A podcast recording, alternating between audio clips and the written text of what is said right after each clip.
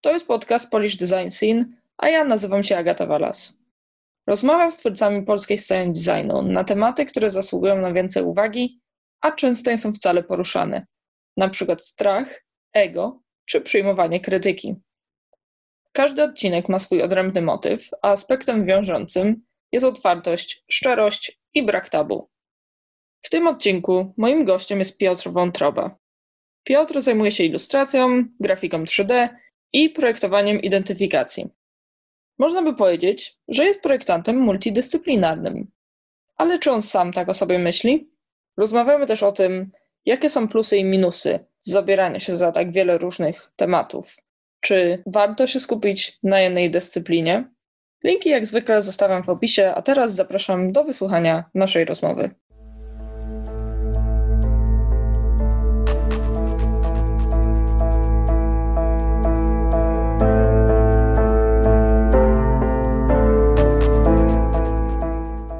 Zaczynam może od pierwszego pytania, które jeszcze chyba nikomu tutaj w tym podcaście nie zadałam. Staram się nie robić takich um, wprowadzeń za bardzo, ale w Twoim przypadku myślę, że to będzie mieć sens, skoro robisz tyle różnych rzeczy. Jakbyś siebie określił?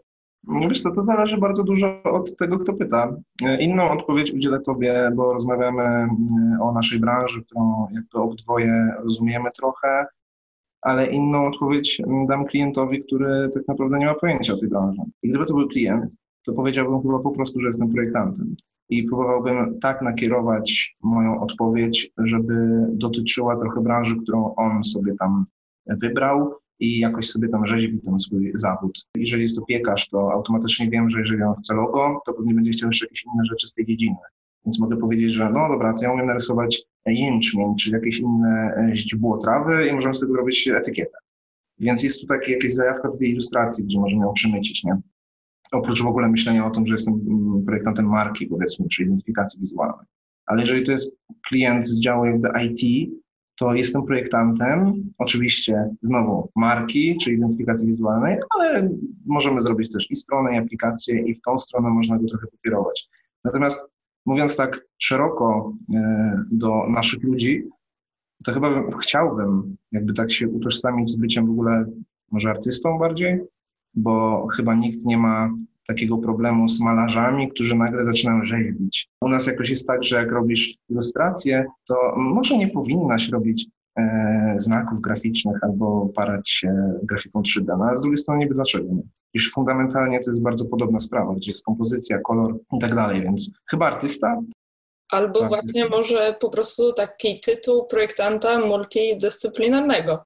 No może tak, tylko kurczę, tu się zaczynają zgrzyty, bo ktoś powie, no multidyscyplinarny umiesz trzy rzeczy, umiesz multidyscyplinarne pięć rzeczy, nie? A ktoś robi dwie i też się czuje multidyscyplinarny. Ja nie lubię takich momentów, w których może dochodzi do jakiegoś konfliktu. Artysta jest takim szerokim, pięknym słowem, które można wszystkich połączyć raczej. Okej, okay, no, rozumiem. Coś, coś w tym stylu. Ale... Zastanowiłem się długo nad tym tak naprawdę, bo, bo to nie jest łatwe, żeby się gdzieś zdefiniować zwłaszcza jak dotykasz różnych tematów, no ale z drugiej strony ta definicja też cię usztywnia, więc im szersze określenie, tym lepiej. No tak, i też na pewno zgadzam się z tym, co powiedziałeś o tym, że jak ktoś robi ilustrację, to często jest to później odbierane, że masz już zostać w tej ilustracji tak. i trzymajmy się właśnie tych takich sztywnych ram. Jest to na pewno coś, nad czym też jeszcze będę teraz myśleć po naszej mhm. rozmowie, bo chyba nie mam jakiejś takiej przygotowanej odpowiedzi. Ale skąd w ogóle wynika ta różnorodność Twoich umiejętności? Czy już jako no, dziecko interesowałeś się różnymi rzeczami? Jak to, jak to wszystko się zaczęło? No ta historia jest trochę taką moją historią. Ja nie wiem, czy da się ją przenieść na innych ludzi, którzy też lubią tak wiele dziedzin, bo takich osób jest tak naprawdę bardzo dużo i w Polsce chyba projektowanie trochę opiera się na tym, że trzeba być multidyscyplinarnym, no bo pieniążki trzeba gdzieś zarobić, a klienci też są różni, więc im więcej możesz e, srok za ogon złapać, tym lepiej dla ciebie. E, natomiast u mnie to jest historia takiej, takiej zajawki w wieku e, podstawówki. Już bardzo, bardzo wcześnie zacząłem się interesować programami e, i wtedy ja w ogóle nie wiedziałem, że jest projektowanie jakieś. Ja myślałem, że to jest grafika, nie? Wszystko było grafika. Ilustracja to była grafika, 3D to była grafika i w ogóle jakie projektowanie, nie? Jaki projektant, jaki UX, jaki UI, jakie interfejsy.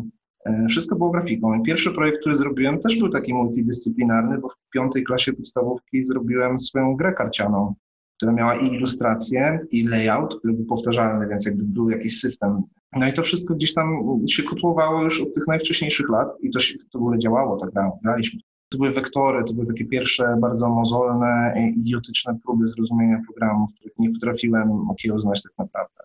No i potem kolejne rzeczy. Uczyłem się kodować strony. No ale nie utożsamiałem tego, że to jest jakaś inna dziedzina w ogóle, tylko tam był też layout, nie? Trzeba sobie wymyślić, jak to ma wyglądać.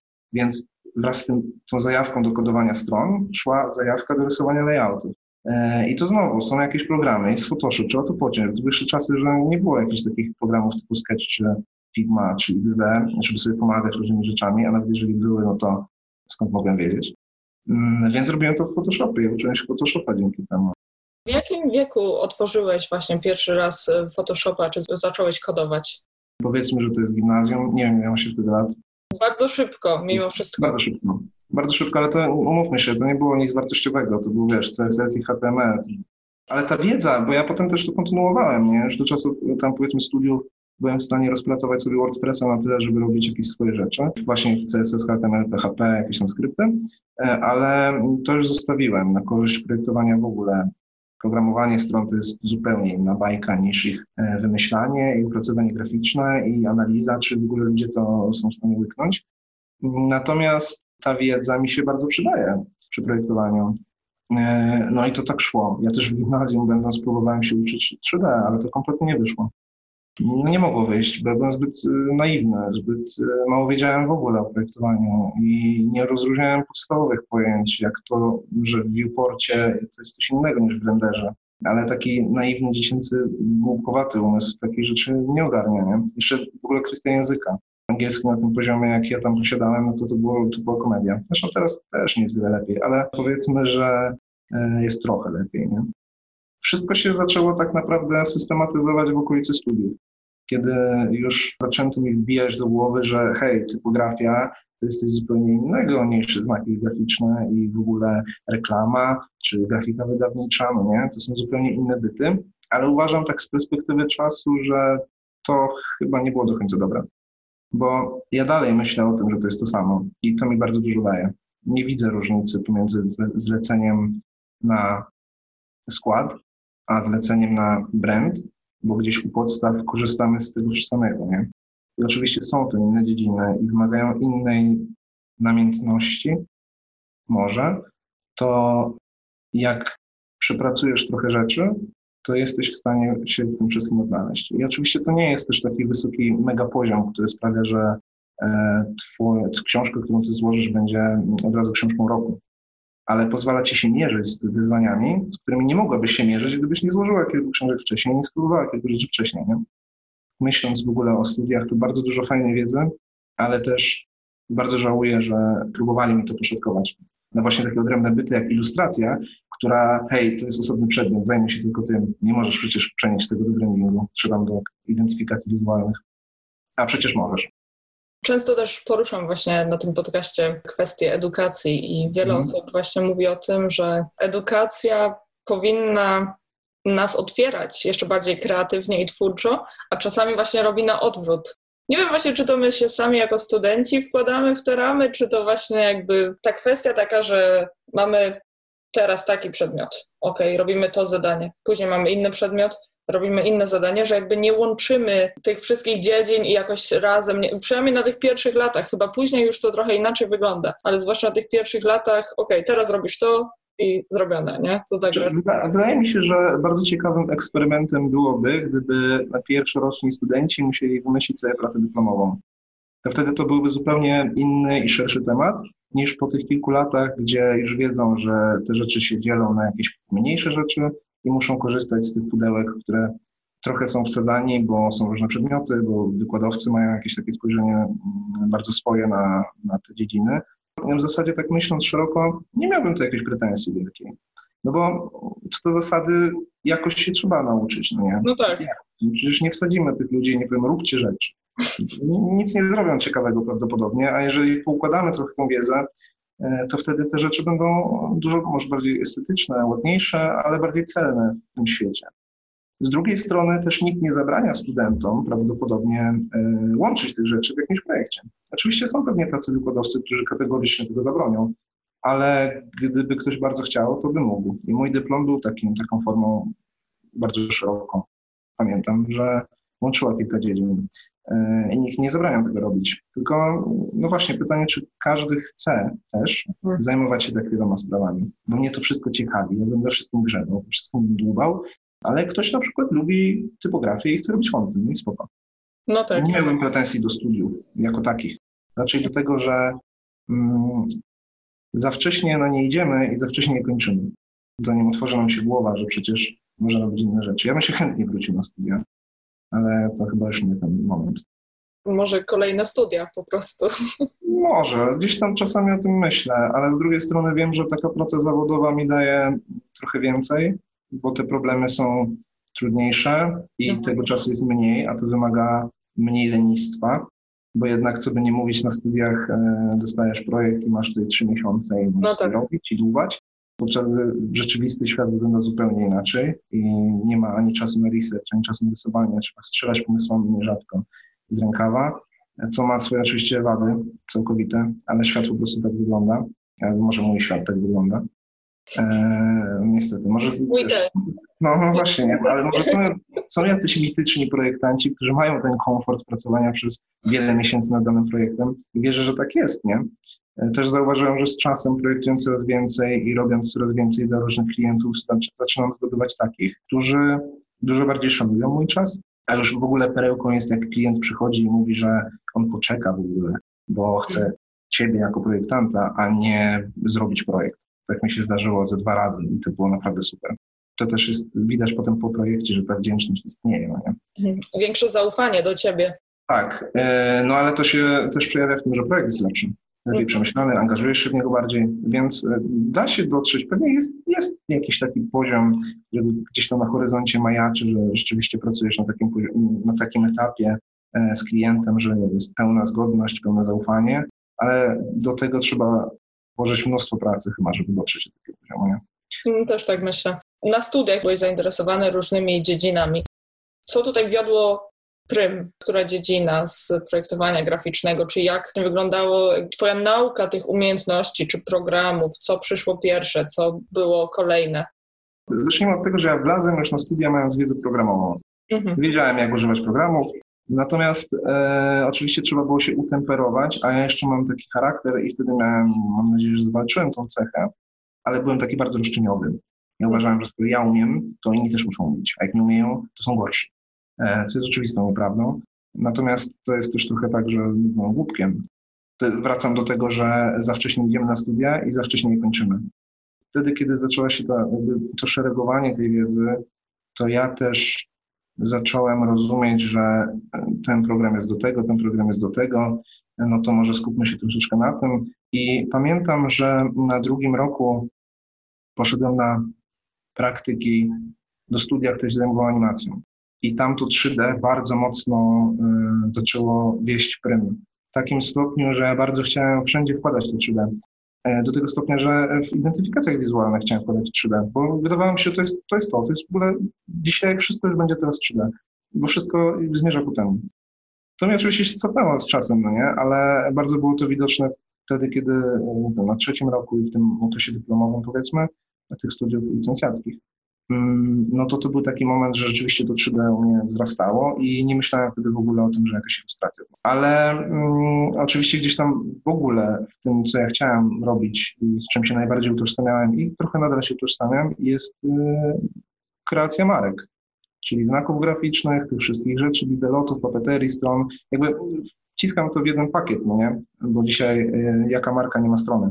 Mhm. Chociaż to jest znowu jakaś inna dziedzina, ale wydaje mi się, że to jest taki, taki pakiet podstawowy trochę. Więc taka kreacja marki, identyfikacji wizualnej, szeroko pojętego brandingu, to było zawsze to, co mnie konstytuowało, a wszystko było potem dodatkiem. Oczywiście zakładając wciąż, że moje myślenie jest takie bardziej, mm, ja tych dziedzin tak nie rozróżniam za bardzo. Mhm. A no, potem już się zaczynało to y, dzielić przez to, że poszedłem do konkretnych prac. Y, pracowałem przy projektowaniu właśnie strony aplikacji, więc tam E, więcej takiego nacisku było na to, żeby żyć tym światem. tym światem właśnie projektowania, projektowania interakcji z ludźmi, no nie? badania tych narzędzi, do których mogliśmy mieć dostęp, ale w ogóle czytania o tym i takiej wiedzy ogólnej. A teraz pracuję w ogóle w reklamie, to jest zupełnie inny świat. Czasami są takie dni, że siedzę i myślę i nie odpalam w ogóle Photoshopa czy czegokolwiek innego.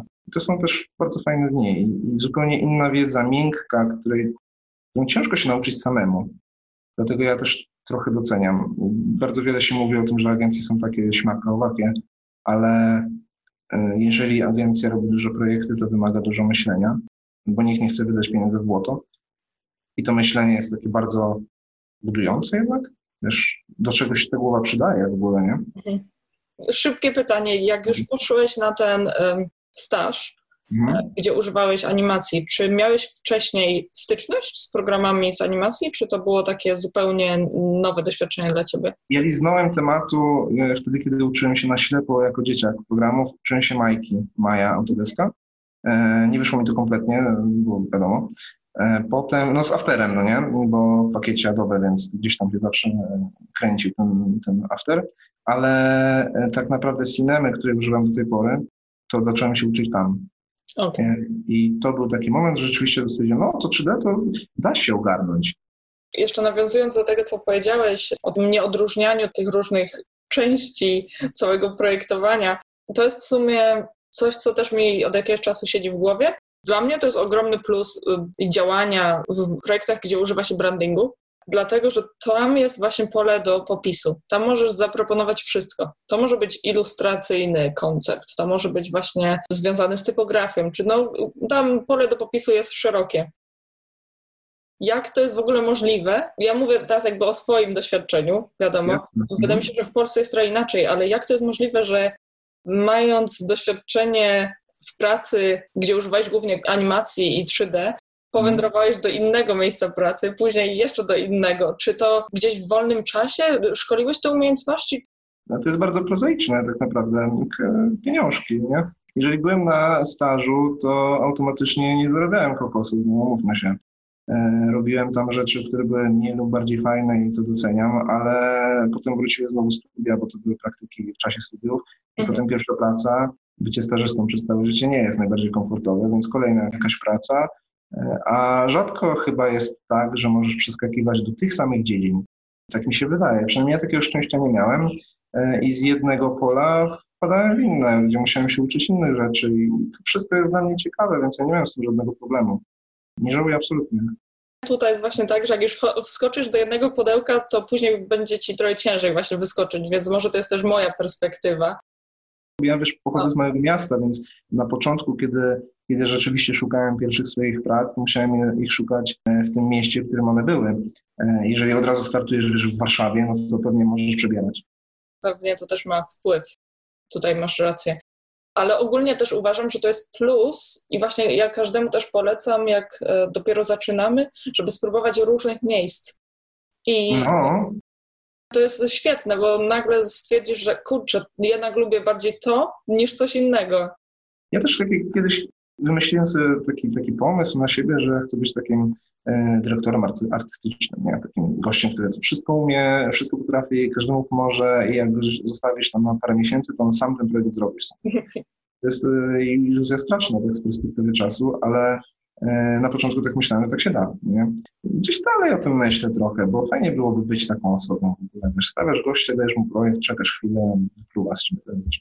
Ale nie jest to możliwe z różnych przyczyn. E, często po prostu ogromną pracę, w której trzeba włożyć duże, duże rzeczy, ale to, że udało mi się dzięki nie wiem, mojemu zaparciu albo taki los poskakać po różnych dziedzinach, to teraz y, dużo mi to pomaga bo każdy projekt jest inny i to niezależnie od tego, czy to jest mój własny klient, który ja sobie obrabiam, kiedy mam czas, kiedy się z nim omówię i kiedy mogę to robić, albo klient, nad którym pracujemy zespołowo w pracy, to zawsze ta wiedza szeroka ci pomoże, bo tu możesz komuś pomóc, tu możesz coś zrobić, ale z drugiej strony wiesz, w czym nie jesteś dobra, więc może cię ktoś zastąpić, nie? uzupełniacie się wszyscy. Dzięki temu zespół lepiej działa takie wyobrażenie o byciu tym art dyrektorem we mnie istnieje i ja będę je podtrzymywał, nawet jeżeli trochę jest tak, że w tej pracy agencyjnej dużo się używa tych samych narzędzi i to jest bardzo powtarzalne jednak, nie?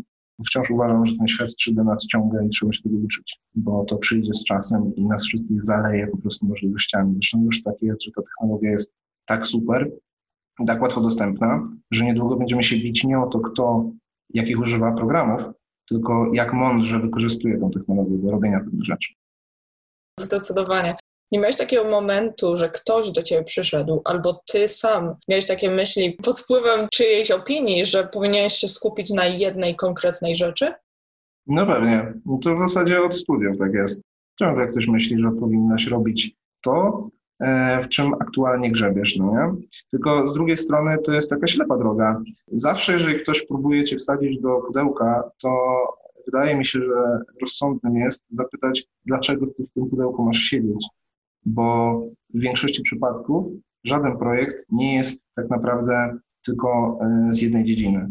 Okej, okay, są takie duże projekty specjalistyczne, że rzeczywiście tak jest, ale e, przynajmniej z mojego podwórka, takiego freelancera małych, średnich firm e, i pracownika agencji, która obraca wielkimi, wiem, że bardzo rzadko jest tak, że robimy taką jedną stricte rzecz. Więc nie dałbym się wepchnąć nigdy, ale to się dzieje i to się zawsze będzie zdarzyć. Też wydaje mi się, że warto się jakby zastanowić, na czym nam zależy, bo każdy, wiadomo, każdy jest inny. Mhm. Chyba mówiłeś o tym wcześniej właśnie, że tobie akurat to, że spróbowałeś właśnie różnych dziedzin pomogło. I... Tak, ja, ja oczywiście to wszystko, co mówię, trzeba wziąć w taki nawias, że to jest mój pryzmat i takiej mojej osoby, która może jeszcze nie dorosła do wyboru odpowiedniej dziedziny. Może jestem takim wiecznym, wiecznym Piotrusiem Panem, który lubi sobie skakać po różnych rzeczach, ale mm, ja bardzo cenię osoby, które są takimi mistrzami danej dziedziny i wręcz uważam, że one są w pewnym momencie konieczne, bo przecież nie jestem w stanie zrobić wszystkiego i będą takie problemy, które rozwiąże tylko specjalista, no nie?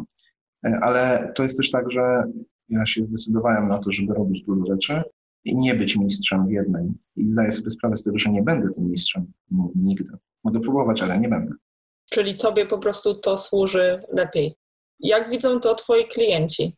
E, chodzi mi teraz o twoich prywatnych klientów, którzy do ciebie się zgłaszają, czy jak lądują na twojej stronie, czy przychodzą z polecenia, oni wiedzą, że ty się zajmujesz tymi wszystkimi rzeczami, czy przychodzą po jedną konkretną rzecz i wtedy się dowiadują, że w sumie mogę jeszcze dla ciebie zrobić to czy tamto? Na ogół jest tak, że klient ma jakąś konkretną potrzebę, zna mnie, bo albo widział jakiś mój projekt i w zasadzie portfolio jest tutaj rzeczą e, drugą, bo na ogół jest tak, że ktoś mówi o mnie i dopiero klient przychodzi na portfolio, i dopiero wtedy nawiązuje się współpraca. E, ale są też tacy klienci, którzy oczekują tej, tej multidyscyplinarności, bo mają szeroką potrzebę, taką, żeby ktoś, jedna osoba spięła to wszystko w całość. E, ogólnie, jeżeli jest klient, który jest świadomy w ogóle tego, czym jest marka, czym jest znak graficzny, czym jest jakiś system, e, którego on potrzebuje, tenże klient, no to on lepiej sprawdzi to, co umiesz, niż klient, który przychodzi w sumie znikąd ich celowo. No i tych klientów trzeba odpowiednio pokierować na to, co można zrobić, czego nie można zrobić. No taki klient, który chce mieć tylko znak graficzny, najczęściej ma też szereg innych potrzeb, tylko on ich nie rozumie, nie wie, nie zna, z drugiej strony skąd ma wiedzieć. E, więc warto z nim po prostu porozmawiać, że słuchaj, ja robię też to, ja robię też to, wiem, że to by się przyda to i to, a ten pomysł jest w sumie głupi, nie róbmy tego, bo wydasz pieniądze w sumie bez sensu. Często tak jest, gdy e, klienci o dziwo chcą mieć jakąś rozbudowaną księgę znaku, księgę marki, a ja doskonale wiem, że nie jest to im kompletnie do niczego potrzebna, bo to jest piekarnia. Więc ej, okej, okay, dopóki ja to obsługuję, nie musimy tego robić, skupmy się na tym, żeby zrobić fantastyczne, nie wiem, etykiety na, na te wypieki, które macie. E, zróbmy to porządnie, to co jest potrzebne, nie róbmy rzeczy, które nie są potrzebne. Tylko to wymaga też pewnej szczerości i odwagi, bo powiedzenie u nas w branży, że komuś nie jest potrzebna księga marki czy znaku, wydaje się być pewną herezją. A z drugiej strony ja podchodzę do tego dużo bardziej chyba praktycznie. Może zróbmy mniejszą, może zróbmy podstawowe rzeczy, ale skupmy się na tym, żeby osiągnąć jakiś konkretny wynik, który sobie założymy. Bo koniec końców ten piekarz, ta piekarnia czy cukiernia, ona dzięki tej pomocy graficznej może się rozrosnąć i wtedy zrobimy księgę dużo większą i jeszcze może przy okazji zarobimy trochę więcej. Więc takie myślenie szersze, tłumaczenie tym klientom, co jest do czego i co możemy zrobić, i nieustanna rozmowa z tymi klientami, szczera rozmowa o tym, co można, czego nie można, co warto i czego nie warto. Zwłaszcza o tym, czego nie warto. To chyba to doceniają najbardziej. Podoba mi się ta odpowiedź, zwłaszcza o szczerości, dlatego że ja, jako taki klient, mhm. gdybym była zupełnie zielona i gdybyś mi właśnie tak powiedział, to doceniłabym taki fakt. Też trzeba sobie tak przekminić w głowie, co my chcemy osiągnąć, bo możemy mieć krótkofalowy zysk albo długofalowy, trochę mniejszy, ale stały. Ale z klientami też no, bywa bardzo różnie i trzeba do tego ostrożnie podchodzić, ale szczerość daje tą podstawę, że oni też będą, czy może założyć, że będą szczerzy wobec ciebie. Jakie są plusy i minusy właśnie wynikające z tej różnorodności? Minusy, minusy najpierw, bo minusy są dużo ciekawsze zawsze, nie? Okay. E, portfolio jest takim bardzo trudnym problemem, bo zrób portfolio związane z tak wieloma dziedzinami, żeby ktoś się połapał w tym wszystkim. I to już nawet wcześniej, zanim zaczęliśmy tą oficjalną rozmowę, mówiłem Ci, że jestem świetnym antyprzykładem, jak nie robić pewnych rzeczy, E, więc nie wiem, czy odsyłać kogokolwiek, ale mm, jeżeli miałbym powiedzieć, co jest taką dobrą praktyką, a co ja robię kompletnie źle, e, to jest to e, zbudowanie takiego portfolio, aby te dziedziny były łatwo dostępne i łatwo klikalne. U mnie to się nie dzieje, ale wydaje mi się, że zasadnym jest podzielić to tak komunikacyjnie, aby każdy wiedział, po prostu każdy wiedział, że to jest znak graficzny i branding, nie? a to jest ilustracja, ale żeby ten klient potencjalny, który wejdzie na stronę, nie pogubił się w tym wszystkim i wiedział, gdzie sobie kliknąć, żeby dostać informację o tym, czy ty potrafisz zrobić jego projekt. Nawet jeżeli on tam w tle chce mieć jeszcze ileś tam rzeczy, tylko o tym nie wie.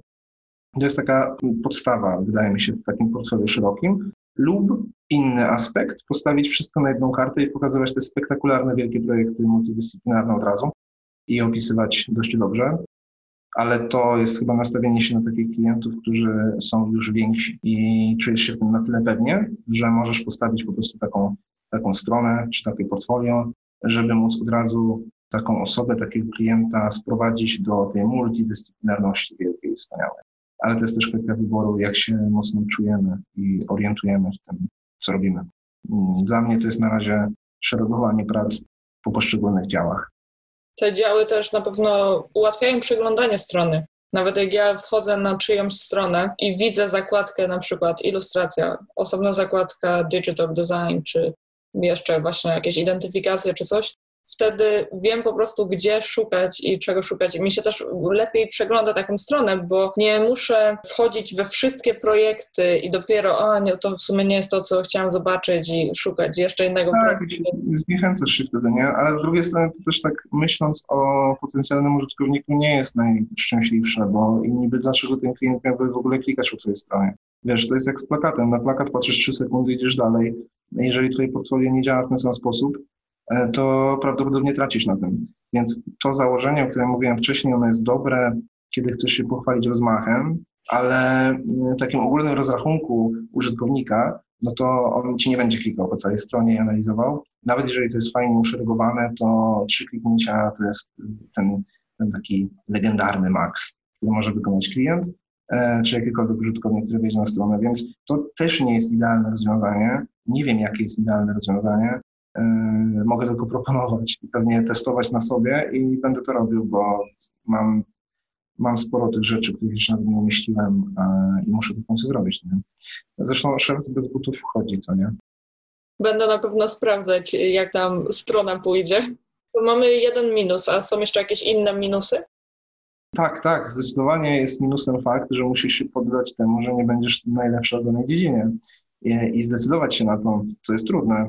Bo przecież kto nie chciałby być mistrzem ilustracji, o której dużo dzisiaj rozmawiamy. Wybór takiej multidyscyplinarnej drogi jest y, wyborem trudnym i też to autoograniczenie sprawia, że cię zaczną wyprzedzać inni ludzie. Ci, którzy z tobą studiowali i może skupili się na jednej dziedzinie, y, będą przed tobą za jakiś czas. O ile w ogóle myślisz w takich kategoriach, że chcesz się z kimś ścigać, ale załóżmy, że gdzieś tam jakiś wyścig o, o pracę istnieje, Natomiast to jest decyzja, może niełatwa. Mi przyszła łatwo, ale przyszła mi w sumie, nie wiem, czy ja w ogóle podejmowałem. Jakoś naturalnie zacząłem interesować się wieloma rzeczami. Polecałbym takie poczucie, że to, co robisz, nie przynosi ci żadnego wstydu po prostu, nie ujmuje ci w żaden sposób. Nie? każda rzecz, którą robisz, yy, robisz najlepiej jak potrafisz i robisz ją dobrze. Więc dopóki tak jest, to chyba warto w tym trwać, przynajmniej według mnie. Ale jeżeli masz ochotę się skupić, proszę bardzo, jak najbardziej. Ja nie mam nigdy pretensji do ludzi, którzy się skupiają na jednej dziedzinie, tylko chciałbym, żeby nie mieli pretensji do mnie, że ja się skupiam na wiele. To jest to zdrowe podejście też, żeby każdy patrzył na, na siebie i na to, co my chcemy osiągnąć, nie? No pewnie, zresztą wiesz, jeżeli kiedyś dostanę jakiś projekt, który mnie przerośnie w jakiejś dziedzinie, to chętnie zatrudnię kolegę po fachu, który zrobi to, te rzeczy, te elementy, te, te trudne sprawy zrobi za mnie lub ze mną. E, I to będzie super, nie? To będzie jak najbardziej wspólna, fajna relacja. No i tutaj trochę wracamy do tego, jakim jest taki art director w agencjach, czy w jakichś takich studiach e, projektowo-brandingowych. Czasami jest to osoba, która w danej dziedzinie może mieć mniejsze kompetencje niż kolega, ale przez to, że ma ich dość sporo, to potrafi podzielić te obowiązki w jakiś zdrowy sposób.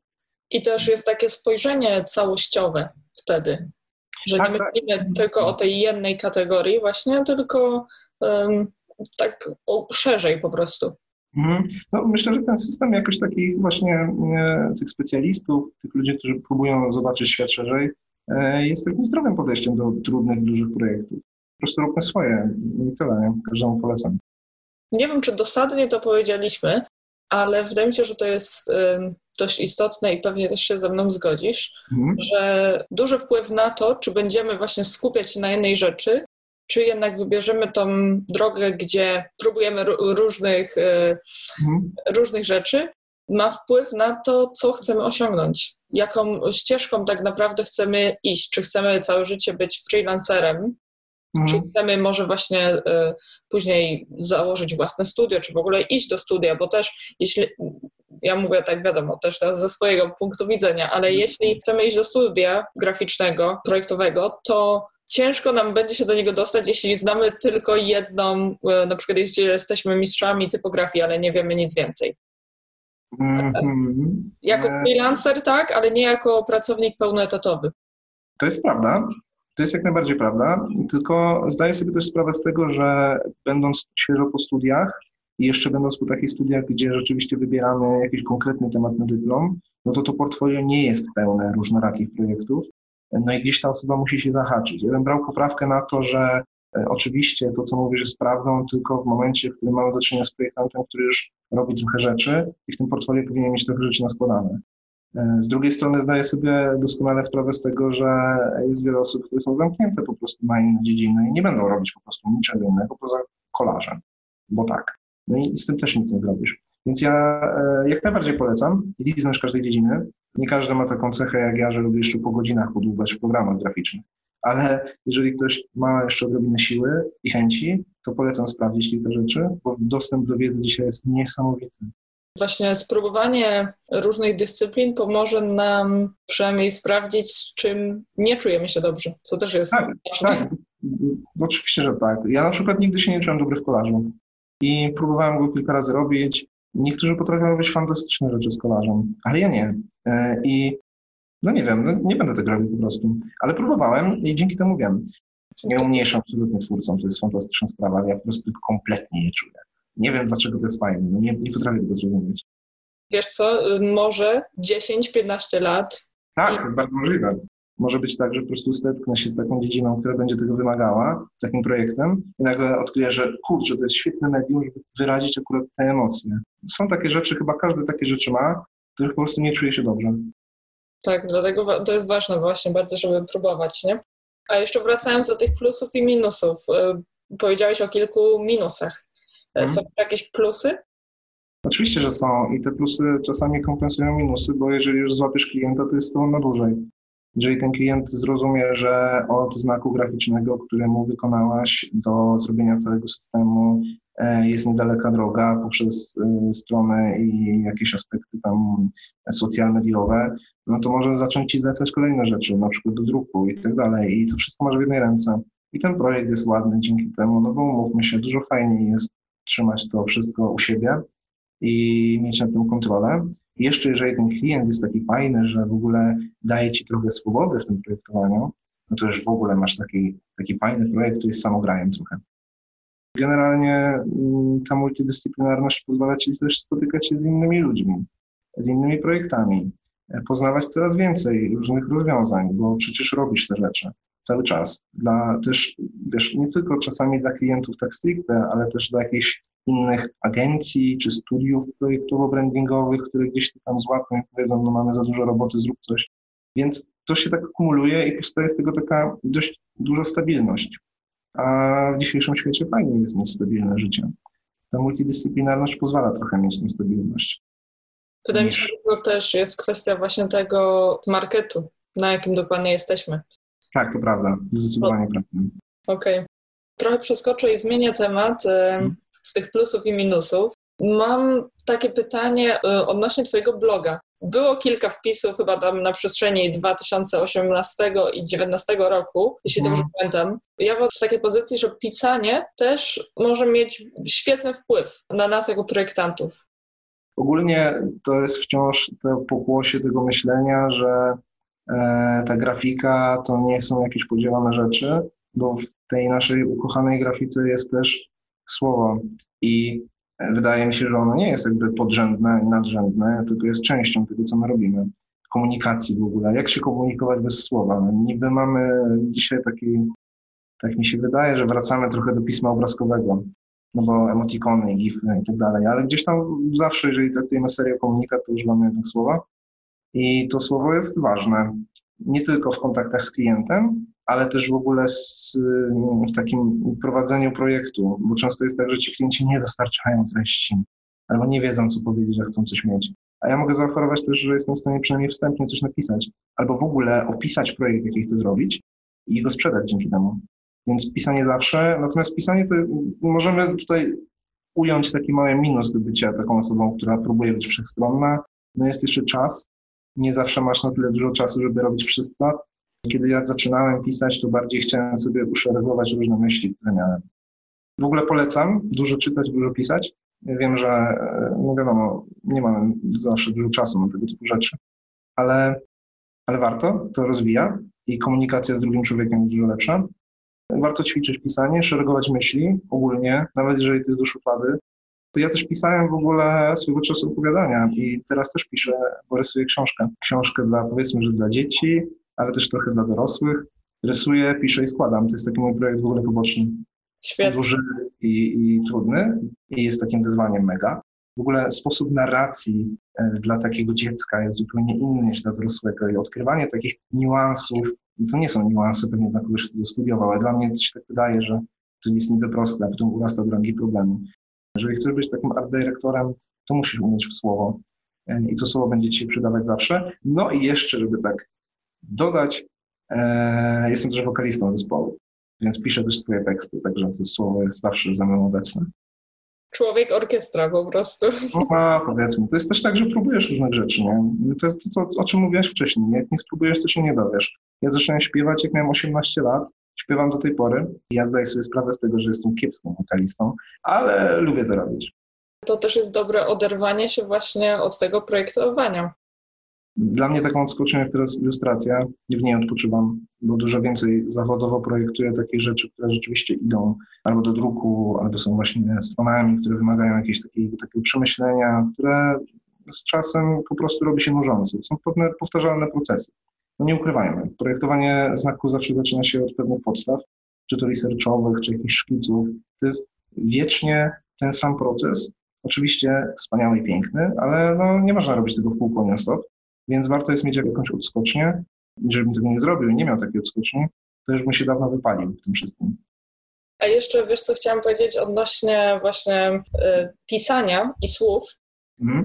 Ja też jakby nie zdawałam sobie sprawy z mocy właśnie tych treści pisanych w ramach projektowania graficznego, dopóki właśnie nie poszłam na swoją magisterkę Oprócz, wiadomo, na studiach takich, gdzie studujemy jakąś komunikację czy właśnie projektowanie, mamy większość przedmiotów wizualnych. Miałam jeden przedmiot, który właśnie polegał na tym, że po prostu musieliśmy przeczytać teksty i zanalizować je i napisać jakby swoje odczucia, czy jakoś po prostu krytycznie, właśnie krytycznie do nich podejść. I co dwa tygodnie mieliśmy taką mini rozprawkę po prostu do napisania. Ja też bardzo miło wspominam takie momenty, w których na historii sztuki mogłem e, skrytykować jakąś wystawę, która mi się nie podobała, a że byłem taką osobą właśnie na studiach, która bardzo krytycznie podchodziła do absolutnie wszystkiego, to pisałem niesamowicie, obficie, jak to bardzo mi się nie podobają działania wizualne innych ludzi. Oczywiście wyrosłem z tego, mam, nadzieję, ale e, to dawało mi strasznie dużo radości. E, takie wyżycie się słowem czasami. E, rzeczywiście. Natomiast nie no, słowo to jest mega wartość i uważam, że to nigdy nie powinno być tak, że jest copywriter, który pisze te rzeczy i grafik, który tam rysuje te rzeczy. Oni powinni żyć w jakiejś takiej symbiozie i się dobrze zaprzyjaźnić ze sobą, bo każdy sobie pomoże nawzajem. E, I nie umniejsza też nigdy niczym, jeżeli ktoś podejdzie i palcem pokaże, weź to zrób zielone, będzie lepiej. Nagle się okazuje, że jest lepiej. I to jest właśnie ten copywriter, z którym wcześniej wymyśliliście wspólnie jakieś fajne hasło to też jest umiejętność pracy w grupie, po prostu w zespole, to o czym mówisz. No, myślę, że tak, nie? ale to jest też takie, tak mi się wydaje, że nawet praca w zespole to jest taka umiejętność, którą każdy wpisuje w CV, ale nie każdy doskonale wie, nie każdy wie, co to tak naprawdę oznacza. Jako projektanci w ogóle mamy taką potrzebę robienia rzeczy najpiękniejszych najlepszych. Jak ktoś przyjdzie i powie, weź to przesuń w będzie lepiej, to mamy z tym jakiś wewnętrzny problem. I to nie jest tak, że ja też tego nie odczuwam, bo jak się napracuję tam 5 godzin przy jakimś projekcie i ktoś mi mówi, że no, zmienił kolor, bo brzydki, to gdzieś mnie to zaboli oczywiście, nie? Ale jest tu takie nadrzędne myślenie, że to jest projekt, który mamy zrobić i wszyscy się staramy, żeby był jak najlepszy, nie tylko ja. To nie jest tylko moja robota często. Mhm. E, no ale to trzeba wyrazić słowem, więc lepiej się tego słowa nauczyć. Tak, tak, do, do, na pewno. Powiedzieliśmy trochę o tym na początku, że jak otwieramy pierwszy raz jakiś program, możemy się do tego zrazić. Też jest takie przekonanie, że im starsi jesteśmy, tym ciężej się później nam tych programów nowych, e, czy w ogóle nowych umiejętności, to wszystko przychodzi nam ciężej. Rozumiem to dwojako, bo z jednej strony rzeczywiście tak jest, e, że nowe rzeczy to jest zawsze pewne wyzwanie. Wydaje mi się, że pracując w tej branży chwilę, to jednak te rzeczy są powtarzalne. I tak jak też rozmawialiśmy sobie chwilę o tym, że łatwo się skacze po pakietach Adobe, to tak naprawdę gdyby otworzyć sobie Creative Clouda i zobaczyć, ile tych programów tam jest, tam jest naprawdę dużo rzeczy od nauki. I skoro łatwo jest przechodzić z jednego programu do drugiego, no to to jest kopalina rzeczy do odkrywania. To jest jedna sprawa. Druga jest taka, że to wcale nie jest tak, że kolejny program z Autodeska czy z jakiejś innej stajni będzie tak diametralnie inny, e, bo wszędzie są jakieś warstwy, wszędzie są jakieś foldery, e, zawsze te okienka mniej więcej się podobnie będą nazywać. Jak sobie tak zdamy trochę sprawę z tego, to grafika 3D jest grafiką wektorową, więc w zasadzie są to jakieś punkty styczne, dużo się da przenieść tak naprawdę. Ja często tak robię, że przenoszę sobie jakieś spline, linie z Illustratora do 3D i też mam, jest fajnie, nie muszę tego rysować 3D, jak mi się nie chce albo nie umiem. I to się da wszystko połączyć. I oczywiście ta trudność występuje, bo te interfejsy są inne, e, tylko że pracując ciągle na tym samym, to nie jest taki przeskok, jakbyśmy zrzucili się teraz na spawanie wodne. To nie jest aż taka diametralna różnica, więc odrobina chęci i myślę, że tak jeden, dwa dni jest takiej załamki, gdy spotyka się z czymś nowym, ale potem już zaczynasz rozumieć, że te mechanizmy są dość podobne. Oczywiście wiadomo, na podstawowym poziomie, bo jeżeli idziemy wyżej w jakichś tam programach graficznych, to to się robi trudniejsze i cięższe, ale jak załapiemy to flow i to myślenie, to staje się trochę prostsze.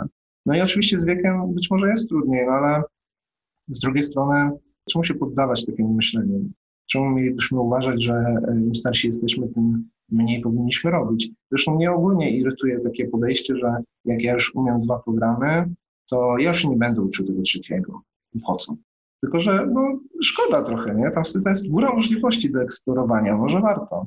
E, oczywiście nie jestem w stanie nikogo zachęcić, kto ma takie podejście, że się nie nauczy, nie da rady, ale nie uważam tego za tak trudne, żeby się nie dało chociaż spróbować. I jeszcze jedna kwestia, tak już w ogóle, która mi teraz przyszła do głowy, to to, że te programy stają się prostsze. Bo jeżeli pomyślimy sobie o tym, jakie to 3D było 10 lat temu, albo w ogóle jak myślimy sobie o tym, jak zapisywać do druku 20 lat temu, tam 10 lat temu, a teraz to jest wiesz, PDF, nie? Wszystko masz w zasadzie zamknięte w jednym pliku. To jest zupełnie inna sprawa. Oczywiście nie mówię tutaj o jakichś pantonach, czy druków na folii, czy czymś takim, ale ten, ten podstawowy zakres obowiązków, które cię czeka, jeżeli musisz zapisać wizytówkę, ulotkę, cokolwiek do druku, to jest ogarnięcie, że musisz mieć spady i dobry profil kolorystyczny. W innych programach jest dość podobnie, żeby robić pewne projekty, musisz mieć pewien pakiet umiejętności. Nie musisz tam robić od razu jakiejś niesamowitości, a technologia jest coraz prostsza. Renderowanie w 3D jest teraz coraz szybsze, coraz łatwiejsze. Jest zupełnie lepiej niż parę lat temu. Miejmy nadzieję, że będzie jeszcze lepiej.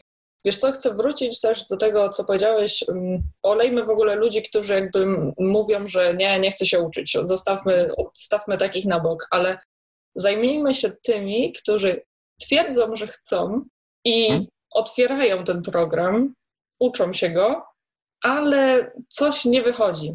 Skąd wziąć taką motywację, czy jak może nie mieć takiego słomianego zapału, albo jak się nie poddawać w tej nauce nowych rzeczy? Bardzo trudne pytanie, bo ono się nie odwołuje tak naprawdę do programów jako takich, tylko do takiej psychologii człowieka. No bo co cię motywuje do tego, żeby się uczyć, żeby robić nowe rzeczy? Ja wiem, co mnie motywuje. Wierzę, że innych ludzi też motywuje taka czysta chęć nauki, ale jeżeli nie to, to może sam fakt, że można wykonywać naprawdę świetne projekty i zawodowo, biznesowo, przekładając na pieniądze, albo po prostu piękne rzeczy, e, które możesz wykonać dzięki tym programom. Nie? Wiem, że to jest tak, że popełniasz jakieś błędy, nie wychodzi ci, czujesz się beznadziejnie, ale właśnie cała ta fantastyka projektowania polega na tym, że się podnosisz i robisz to znowu. I próbujesz. Mnie na przykład bardzo motywuje to, że oglądam pracę innych i widzę, jakie niesamowite rzeczy potrafią stworzyć, a ja jeszcze nie. Ale ja chcę takie rzeczy zrobić, więc się zacząłem tego mimowolnie uczyć. Oczywiście być może jest tak, że mm, niektórzy potrzebują mieć jakiegoś nauczyciela, który wiesz, da rózgą po łapach i powie rób dalej. Być może dla takich osób dużo lepszą formą nauki niż próbowanie i popełnianie błędów jest jakiś tutorial dość dobry, jakieś te mm, różne rodzaje kursów, które są dostępne. Szkoda mi tylko czasami jest tego, że bardzo często osoby, które próbują się czegoś nauczyć, wrzucają potem do internetu swoje prace, tacy pełni serca i zapału, i potem przychodzi garstka ludzi, która im to krytykuje bardzo mocno. Nie znają na przykład kontekstu tego, że ktoś poświęcił na to mnóstwo czasu i jest to jego pierwszy projekt z tego typu. I nagle dostają feedback, że to w ogóle do niczego się nie nadaje i stąd. To jest chyba najgorsze, co możesz spotkać. Wszystko przychodzi z czasem. Przecież nikt nie umie na początku. Trzeba narysować tysiąc brzydkich obrazków, żeby narysować jedno ładnie. To jest bardzo ważne, co teraz powiedziałeś. No. Bo właśnie przez to, że nie wrzucamy takich y, hmm. projektów, gdzie dopiero otworzyliśmy ten program i się uczymy. Raczkujemy. Tak, nie pokazujemy tego, jakby to osoba myśli, że okej, okay, jest zrobione. Rozumiesz, że jakby nie widzimy tego procesu, tak? Tak, ja, ja bardzo unikam pokazywania, pokazywania, ale też wchodzenia i jakiegoś tego krytycznego myślenia w stosunku do prac, które ktoś pokazuje, bo nie mamy pojęcia, co stoi za tym. E, jeżeli ktoś publikuje na przykład brand, jakąś markę, ktoś opracował tą markę, ona powiedzmy jest, no pozostawia jakieś rzeczy do życzenia. No i każdy, kto tam trochę dłużej projektuje, widzi, że można byłoby to zrobić lepiej. To przecież nie widzimy tego, ile korekt stało za tym, jaki był w ogóle opór klienta na zrobienie czegokolwiek. Widzimy tylko efekt finalny i rzucamy się jak idioci na to, żeby to skrytykować w ogóle. To jest totalny idiotyzm. To właśnie sprawia, że ludzie zamykają się w sobie i nie robią dalej jakichś rzeczy. A najważniejszy jest tak naprawdę ten tył, którego właśnie nie widzimy. Ale to też wyrasta trochę z tego, że e, przynajmniej mnie na studiach uczono, że tak naprawdę liczy się efekt. E, I nieważne jak to powstało w sumie, ważne, że to finalnie jest takie, a nie inne ale nie uważam, żeby to nie było ważne. To jest właśnie podstawowe i to jest super ważne, jak to zostało zrobione. A dopiero potem, że to wygląda tak. No wygląda tak, bo jest to mega długi i trudny proces. Przypomniało mi się, że jest taka, właśnie nie wiem, czy to jest książka, czy to jest e-book, ale hmm. powstało to chyba rok albo dwa lata temu i to był zbiór znaków, y, które były pierwszym znakiem zebrali 100 projektantów i po prostu każdy musiał dosłać to pierwsze logo, które zaprojektowali. Bo często tak jest, tak, że te osoby, które zaczynają dopiero w branży, porównują się do tych osób, które są 10 czy 20 lat tej branży i no to nie ma najmniejszego sensu i fajne są właśnie takie, takie inicjatywy, takie projekty, które to obrazują. A z drugiej strony też ciężko jest tak naprawdę takiej osobie, która gdzieś próbuje e, sprostać pierwszym ilustracyjnym problemom, na przykład ilustracja wydaje mi się takim dobrym medium do pokazywania tego, rzeczy, tego typu rzeczy, bo nikt nie umie rysować od, e, od początku, e, no to gdzie mają pokazać te prace, nie? E, co mają zrobić, żeby ktoś im powiedział, że to, to jest takie, a nie inne?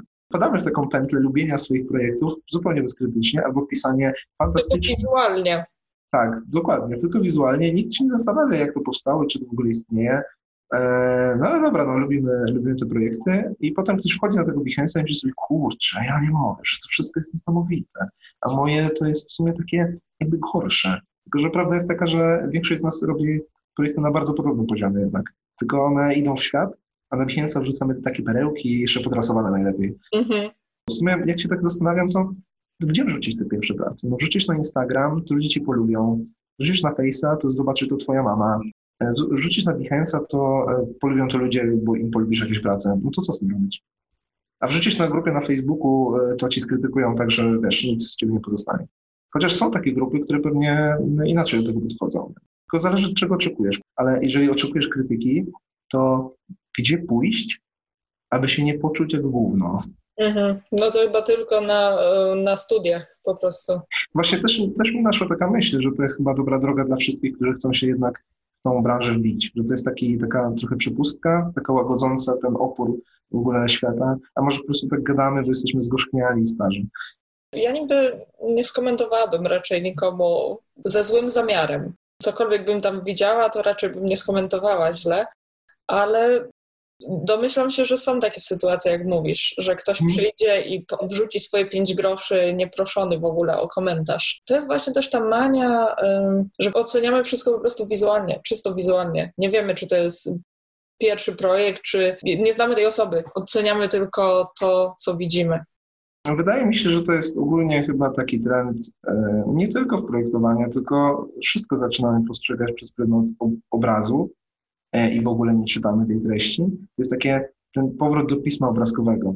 Lubimy gify, lubimy emoji e, lubimy zdjęcia na Instagramie i to, to nie jest tak, że to jest oderwane od tej strefy projektowania. Że Behance czy Dribble jest zalany tymi rzeczami, które są ładne, estetyczne, ale w sumie po nic. Przecież na tym Dribblu jest 2 miliony projektów panelu logowania. Tego nie da się zrobić źle już.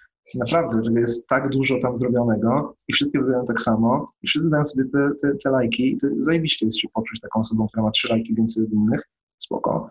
Ale gdzie jest, wiesz, gdzie jest ten, ten klucz? Po tak. co to zostało zrobione? A może Myślę, że to jest w ogóle, to jest rozmowa na osobny odcinek, A, na, na drugą sprawę. Mam gdzieś w planach nagranie takiego odcinka, e, który mógłby się fajnie nazywać e, Design Bullshit Jasne, myślę, że to jest bardzo spoko, bo to też przefiltruje chyba myślenie w ogóle o, o tym, co pokazujemy. Zresztą ja też jestem przykładem osoby, która lubi pokazać najładniejszy obrazek. No bo też jesteśmy owładnięci taką manią patrzenia na ładne rzeczy. I chyba to też jest tak, że ja też patrzę na ładne obrazki, to mnie się wydaje, że muszę robić ładne obrazki i to się tak zapętla, zapętla, zapętla. Nie jestem idealnym przykładem i mam dużo za uszami, jeżeli chodzi o pokazywanie prac w portfolio, które są wyidealizowane. To jest też taka presja później, nie? A jeszcze wracając do tej um, multidyscyplinarności, jak myślisz, że właśnie te wszystkie umiejętności, y, które posiadasz, czy to jakoś się przekłada na twój sposób pracy? Multidyscyplinarność, tak mi się wydaje, przynajmniej rozumienie tego, że projekt składa się z kilku klocków, które trzeba w odpowiedniej kolejności sobie ustawić i które wymagają jakby osobnego podejścia, sprawia, że jesteś w stanie dopasować dobrą ilość czasu do zrobienia konkretnej rzeczy. I wtedy, jak dostajesz projekt, zrobienie marki, złożonej z kilku tych klocków, to już jakby automatycznie wiesz, że jak zrobisz znak, to te trzy rzeczy zrobisz szybko, ale potem jest ta czwarta rzecz, która zajmie ci więcej więc w sumie na nią potrzebujesz więcej czasu, a na to potrzebujesz tyle czasu, to te trzy zamkniesz w tym, a jak masz jeszcze jakiegoś innego klienta, to w zasadzie zrobienie serii wizytówek to już nie jest taka duża, taki duży problem, jak zrobienie tej jednej gdzieś tam jednemu klientowi, więc generalnie mając takie, takie, takie ogólne pojęcie o różnych aspektach tych, różnych rzeczy, które musisz zrobić, dodaje ci to wiedzę o tym, jak sobie to w czasie ustawiać. Ciężko jest to tak wytłumaczyć po prostu, bo chyba jest trochę tak, że każdy z nas potrzebuje innej ilości czasu mhm. na daną rzecz, ale ja już wiem mniej więcej, robiąc kilka rzeczy tam z różnych dziedzin. Czyli masz taką świadomość właśnie czasu i podejmowania decyzji po prostu. Decyzyjność wydaje mi się, że jest tutaj kluczowa, bo w ogóle decyzyjność, czy podejmiesz się takiego wyzwania, mając wiedzę o tym, z czego się składa dany projekt, i dopiero potem rozlokowanie tego sobie w czasie. Jeszcze skonfrontowania z innymi projektami, bo często jest tak, że nie robisz tego jednego klienta, no mówmy się przecież. Mhm. zdarzy się trzech w miesiącu, no to robisz trzech, dziesięć, no to jakoś to zmieścisz, nie? jakoś będziesz próbować. To radzenie sobie z tym, żeby pewne rzeczy katalogować, pewne rzeczy yy, robić z nich jakieś takie priorytety, czy jeden priorytet, który jest najważniejszy w tym wszystkim, yy, albo przynajmniej wiedzieć, że za, za tą górą rzeczy czeka cię dolina odpoczynku, ale to też trochę wynika z tego, że yy, robisz tych projektów więcej, być może. No dobra, to mam pytanie na samo zakończenie. Co dalej przed Tobą? Czy będziesz dalej brnął w tą multidyscyplinarność, czy jednak gdzieś tam myśl o skupieniu się na jednej konkretnej dyscyplinie jeszcze siedzi w Twojej głowie? Ja sobie wymyśliłem taki system, któremu jestem wierny. E, nie wiem, czy jest dobry, bo to się okaże z czasem. Może za rok, jak się spotkamy, to powiem Ci, że to było beznadziejne. Ale aktualnie jest tak, że przeznaczam jakiś okres na konkretną dziedzinę. Tak jak wcześniej zrobienie ilustracji zajmowało mi dzień, tak teraz zajmuje mi tydzień, potem zajmował mi jakiś projekt ilustracyjny złożony z większej ilości ilustracji miesiąc, a teraz mam projekt zaplanowany na dwa lata. Jak skończę tą książkę, którą sobie robię, to zajmę się trochę 3D, bo tutaj widzę, że mam pewne braki, więc zrobię sobie, wymyślę sobie, albo może będę mógł mieć takiego klienta, na którym będę mógł eksperymentować, ale raczej to będzie mój taki wewnętrzny projekt, żeby to 3D też przez miesiąc, potem rok sobie analizować, bo im więcej wiemy o danej dziedzinie, tym więcej czasu jest potrzebne, żeby dowiedzieć się czegoś nowego. Dlatego trzeba więcej tego czasu wkładać w daną dziedzinę. No i żeby to jeszcze wciąż mogło być multidyscyplinarne, to trzeba tym obracać. Ale nie wiem, to jest mój pomysł. Myślę, że po zrobieniu książki, po tym, książką mam zaplanowaną na 2021 rok, po zrobieniu tej książki usiądę trochę więcej do tej grafiki 3D. Bo jest bardzo dużo fajnych rzeczy, których jeszcze nie poznałem, a chcę poznać czyli też takie myślenie etapami, można by powiedzieć. Mhm. Z pewnością. No bo jakoś się uczyć tych różnych rzeczy trzeba, a nie jesteś w stanie tak naprawdę w jednym czasie robić kilku rzeczy naraz, więc musisz to sobie rozdzielać. Może to jest właśnie ta odpowiedź na wcześniejsze pytanie o to, czy ta multidyscyplinarność pozwala ci jakoś sobie porządkować czas, który potrzebujesz na dane rzeczy. Mam nadzieję, że książka w 2021 wyjdzie jak najlepiej i chciałabym ją na pewno zobaczyć, także... O, myślę, poproszę... bo dam, jeżeli będzie mi dane. poproszę informację, jak już będzie dostępna. No i po prostu życzę dalszych sukcesów. Ja Tobie również w ogóle super sprawa z tym podcastem i dziękuję Ci za zaproszenie. Ja i pozdrawiam wszystkich, mamę i tatę.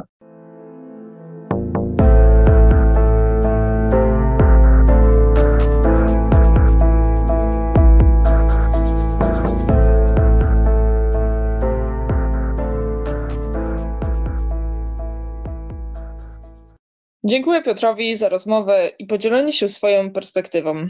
Zachęcam do obserwowania kanału Polish Design Scene, a jeśli jesteście ciekawi, jak wyglądają projekty, które wychodzą spod rąk Piotra, to zostawiam Wam w opisie odcinka linki do strony i Instagrama. Na dziś to tyle. Do usłyszenia za dwa tygodnie.